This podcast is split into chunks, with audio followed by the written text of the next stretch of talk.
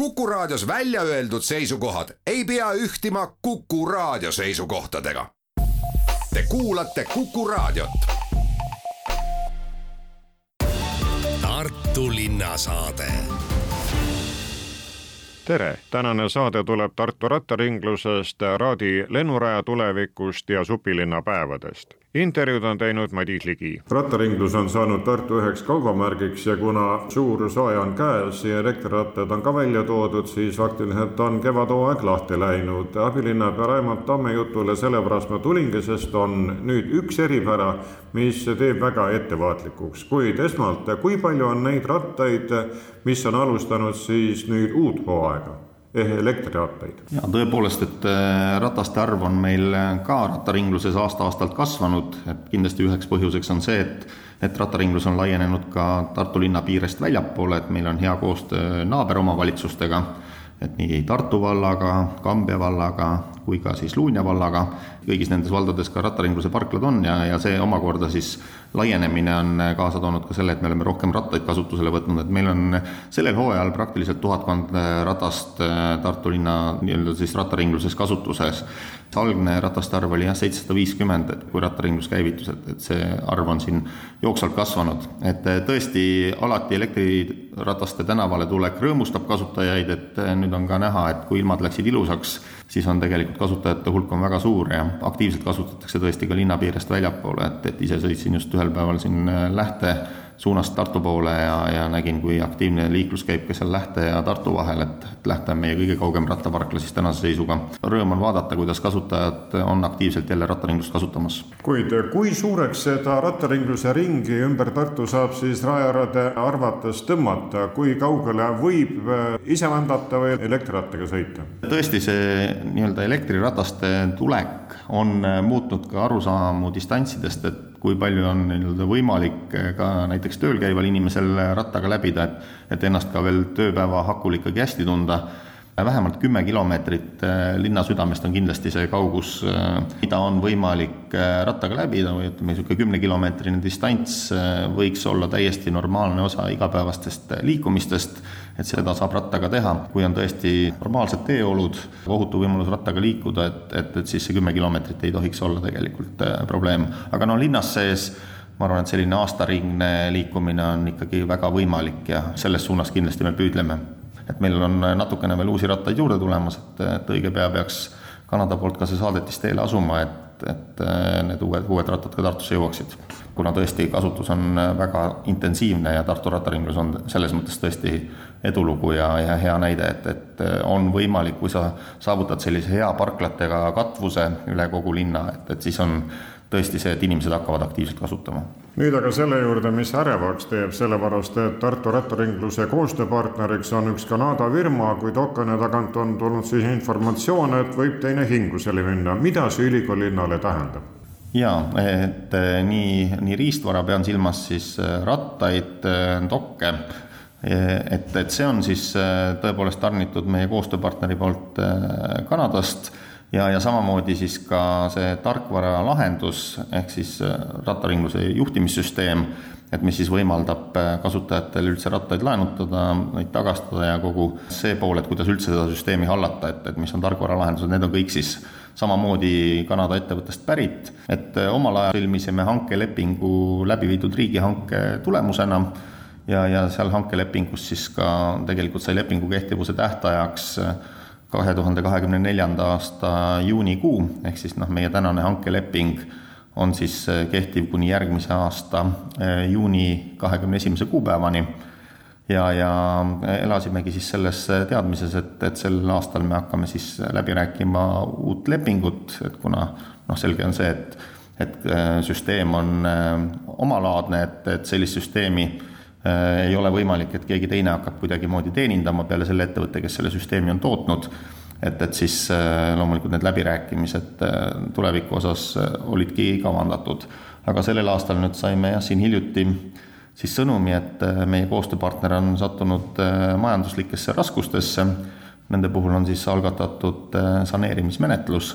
ja, ja saneerimisprotsessi eesmärk on siis selle aasta augustikuuks saada siis aru, et kas ettevõte on jätkusuutlik ja, ja, ja mis sellest ettevõttest siis edaspidi saab. et, et selline info on meile edastatud, ühtlasi on siis ettevõte andnud märku, et nende soov on tänasest lepingust taganeda ja sõlmida täiesti uutel tingimustel leping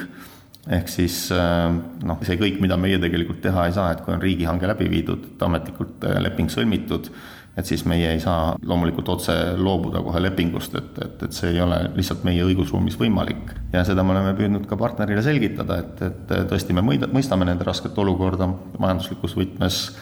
ja, ja saame aru nende soovist äh, kehtivast lepingust taganeda, aga meie esmane nii-öelda siis soov on ikkagi see, et, et leping kehtib ja ja me püüame kuidagi teisiti leida selle lahenduse, et, et koostöö saaks jätkuda et küsimus on jah selles, et, et kui see juhtimissüsteem, rattaringluse juhtimissüsteem siis äh, sai meil hankemahus soetatud, siis oligi nii ette nähtud, et, et see on äh, nii-öelda siis äh, süsteem, mis tuleb kaasa selle riistvaraga, mis me soetasime, et me ei ole eraldi raha maksnud selle juhtimissüsteemi eest, aga nüüd on jah, siis meie koostööpartneri ettepanek on see, et tuleks hakata ka siis selle juhtimissüsteemi eest maksma, aga noh, seda meie nii-öelda läbi viidud hange tegelikult sellisel kujul ei võimalda. et äh, see on see tagamaa, nüüd on äh, küsimus selles jah, et kuhu me nende koostööläbirääkimistega jõuame, et meil on pidevad äh, läbirääkimised selles osas käimas, et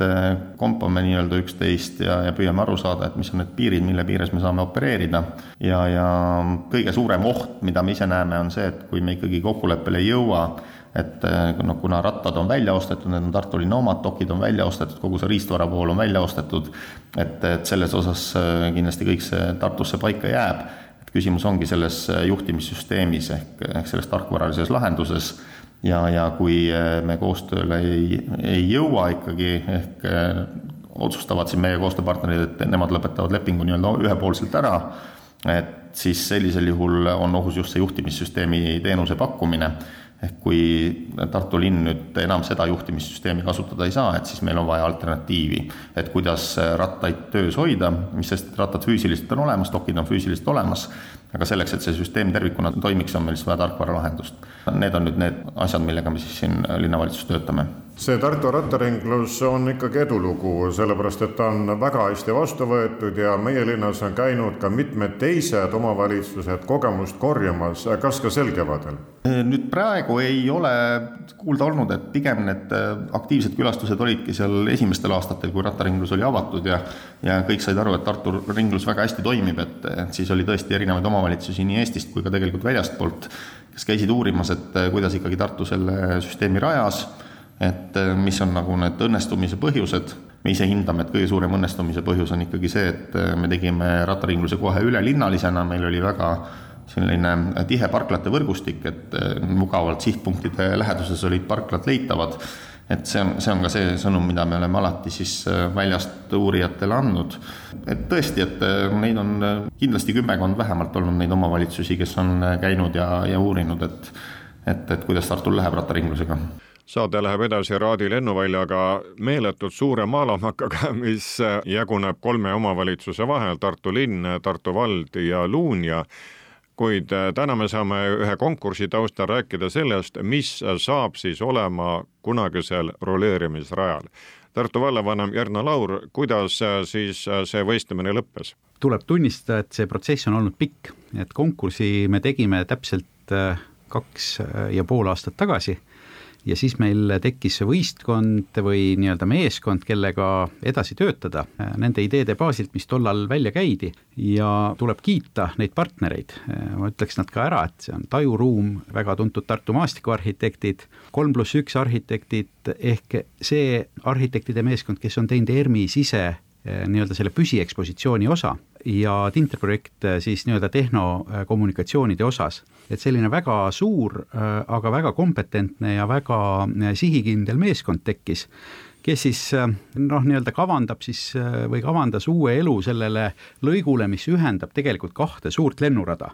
ja täna on tõesti pigem selline noh, kole koht ikkagi. Tartu linna ja Tartu valla vaheline piir jookseb täpselt läbi ERMi peahoone, kuid see ruleerimisrada jääb siis peahoone taha jaa, nii on vist kõige parem öelda, et, et seal, kus on ERMi B sissepääs, sealt ju tegelikult algab vana või väike lennurada ja siis see väikesest vanast lennurajast läheb üks ruleerimisrada siis suure ehk uuema lennuraja juurde, nii et niisugune kahekilomeetrine lõik, mis täna on selline betoonplaatides tavaline lennurajatis, tulevikus saab olema korralik tänav, selles mõttes, et kuna ka täna linnaline buss seal sõidab ja noh, ega see seisukord seal hea ei ole, siis tulevikus on sealt palju siledam sõita, normaalne tänav on, normaalne kergliiklusvõimalus, aga sellest vanast betoonrajast või ruleerimisrajast siis tegelikult tekib lineaarpark ja kogu selle idee siis võti oli tegelikult see, et üheaegselt hoida nagu alles seda vana pärandit, ehk siis kogu seda äh, militaarset ja betoonist äh, noh, sellist brutaalset keskkonda, aga teistpidi üritada ikkagi teha teda inimesele talutavaks, viia nii-öelda sisse ka inimskaala, nagu arhitektid ütlevad. Ja seda on tehtud siis sellega, et on projekteeritud äh, selle ruleerimisraja noh, osaline nii-öelda lõhkumine, taimedega haljastamine, mitmed tegevused sinna nii et iseenesest kogu see betoon muutub noh, ka inimesele võib-olla huvitavaks vaadata. et on näha, et see on kolmest kihist koosnev ja, ja, ja kuidas seda on tehtud ja, ja, ja millised äh, mustrid seal on. Nii et see on üks asi, teine idee, mis selle võistlustöö juures võib-olla kõige silmatorkavam on, ja võiks anda tulevikus kõige suurema efekti, on see, et kolm pluss üks arhitektid on kavandanud sinna kolm vaatetorni kummagi nii-öelda lennuraja juurde ja siis ühe päris keskele, kus on kogu lennuvälja kõige kõrgem koht. ja põhimõtteliselt need lennu- või sinna ruleerimisrajale ehitatavad tornid annavad võimaluse tegelikult tajuda seda ERMi hoonet nii, nagu arhitektid kunagi eh, noh, ette nägid, et, et seda on võimalik vaadata katuselt. nagu me teame, siis ERMi enda hoone katusele täna ei saa, et eh, see võimalus paraku ei, ei realiseerunud ja hetkel ongi nii, et, et selliseid noh, nii-öelda õigeid vaateid ERM-ile näeb tegelikult droonilt või lennukilt. aga kui me selle vaatetorni sinna saame rajatud, siis tegelikult igal jalutajal, kes viitsib natukene ronida mõned korrused üles, tekib võimalus seda ilusat vaadet äh, näha ja seda kontseptsiooni tajuda. millal tööks läheb? see on selle asja juures võib-olla kõige keerulisem osa, sest äh, see lahendus ei ole odav Eh, tuleb kohe ausalt ära tunnistada ja ainult Tartu vallale ei ole see ka jõukohane. ehk et me täna, kui meil on projektid valmis, me asume otsima siis täiendavat rahastust, mitmed ideed on olemas, kuidas Euroopa Komisjonil on teatud rahastud, kus ka näiteks militaarpärandi sellist säilitamist ja eksponeerimist toetatakse, nii et eks me sellega praegu siis tööle hakkamegi kuid äh, kõige tähtsam on see, et mõte on liikunud, konkurss on toimunud ja lahendus on olemas äh, ja küllap siis mõttest ka tegu tuleb. Ja ma usun küll, et, et see koht ise on ju nii suure tähendusega. lisaks äh, need lahendused on jagatavad väiksemateks nii-öelda ampsudeks, mille kaupa seda plaani ellu viia. ehk me olemegi juba kavandamise faasis näinud ette, et me saame teda ka jupikaupa teha, et ei pea ootama sellist issanda õnnistust, kus tuleb äkitselt hästi suur rahapada välja ja, ja siis on võimalik kõik ära teha, aga me hakkame teda jupikaupa tegema, otsime täiendavat rahastust ja, ja leiame siis neid partnereid, kes on huvitatud panustama. mis ma tahan veel öelda, on see, et, et väga hea koostöö oli tegelikult ERMiga eh, kogu selles protsessis ja meie idee on see, et, et ka see väliruum peaks olema siis selline natukene nagu ERMi ekspositsiooni äh, tulek nagu õue ja, ja teistpidi siis ka selle B-sissepääsu võib-olla parem avamine inimestele, sest noh, täna on ta ikkagi paraku varjus. ja need, kes tulevad nüüd põhja poolt äh, Tartut äh, ehk siis Jõgeva suunalt või Jõhvi suunalt, noh, ei taju seda, et tegelikult juba see ekspositsioon, see ala, see muuseum hakkab palju varem pihta Tartu linnasaade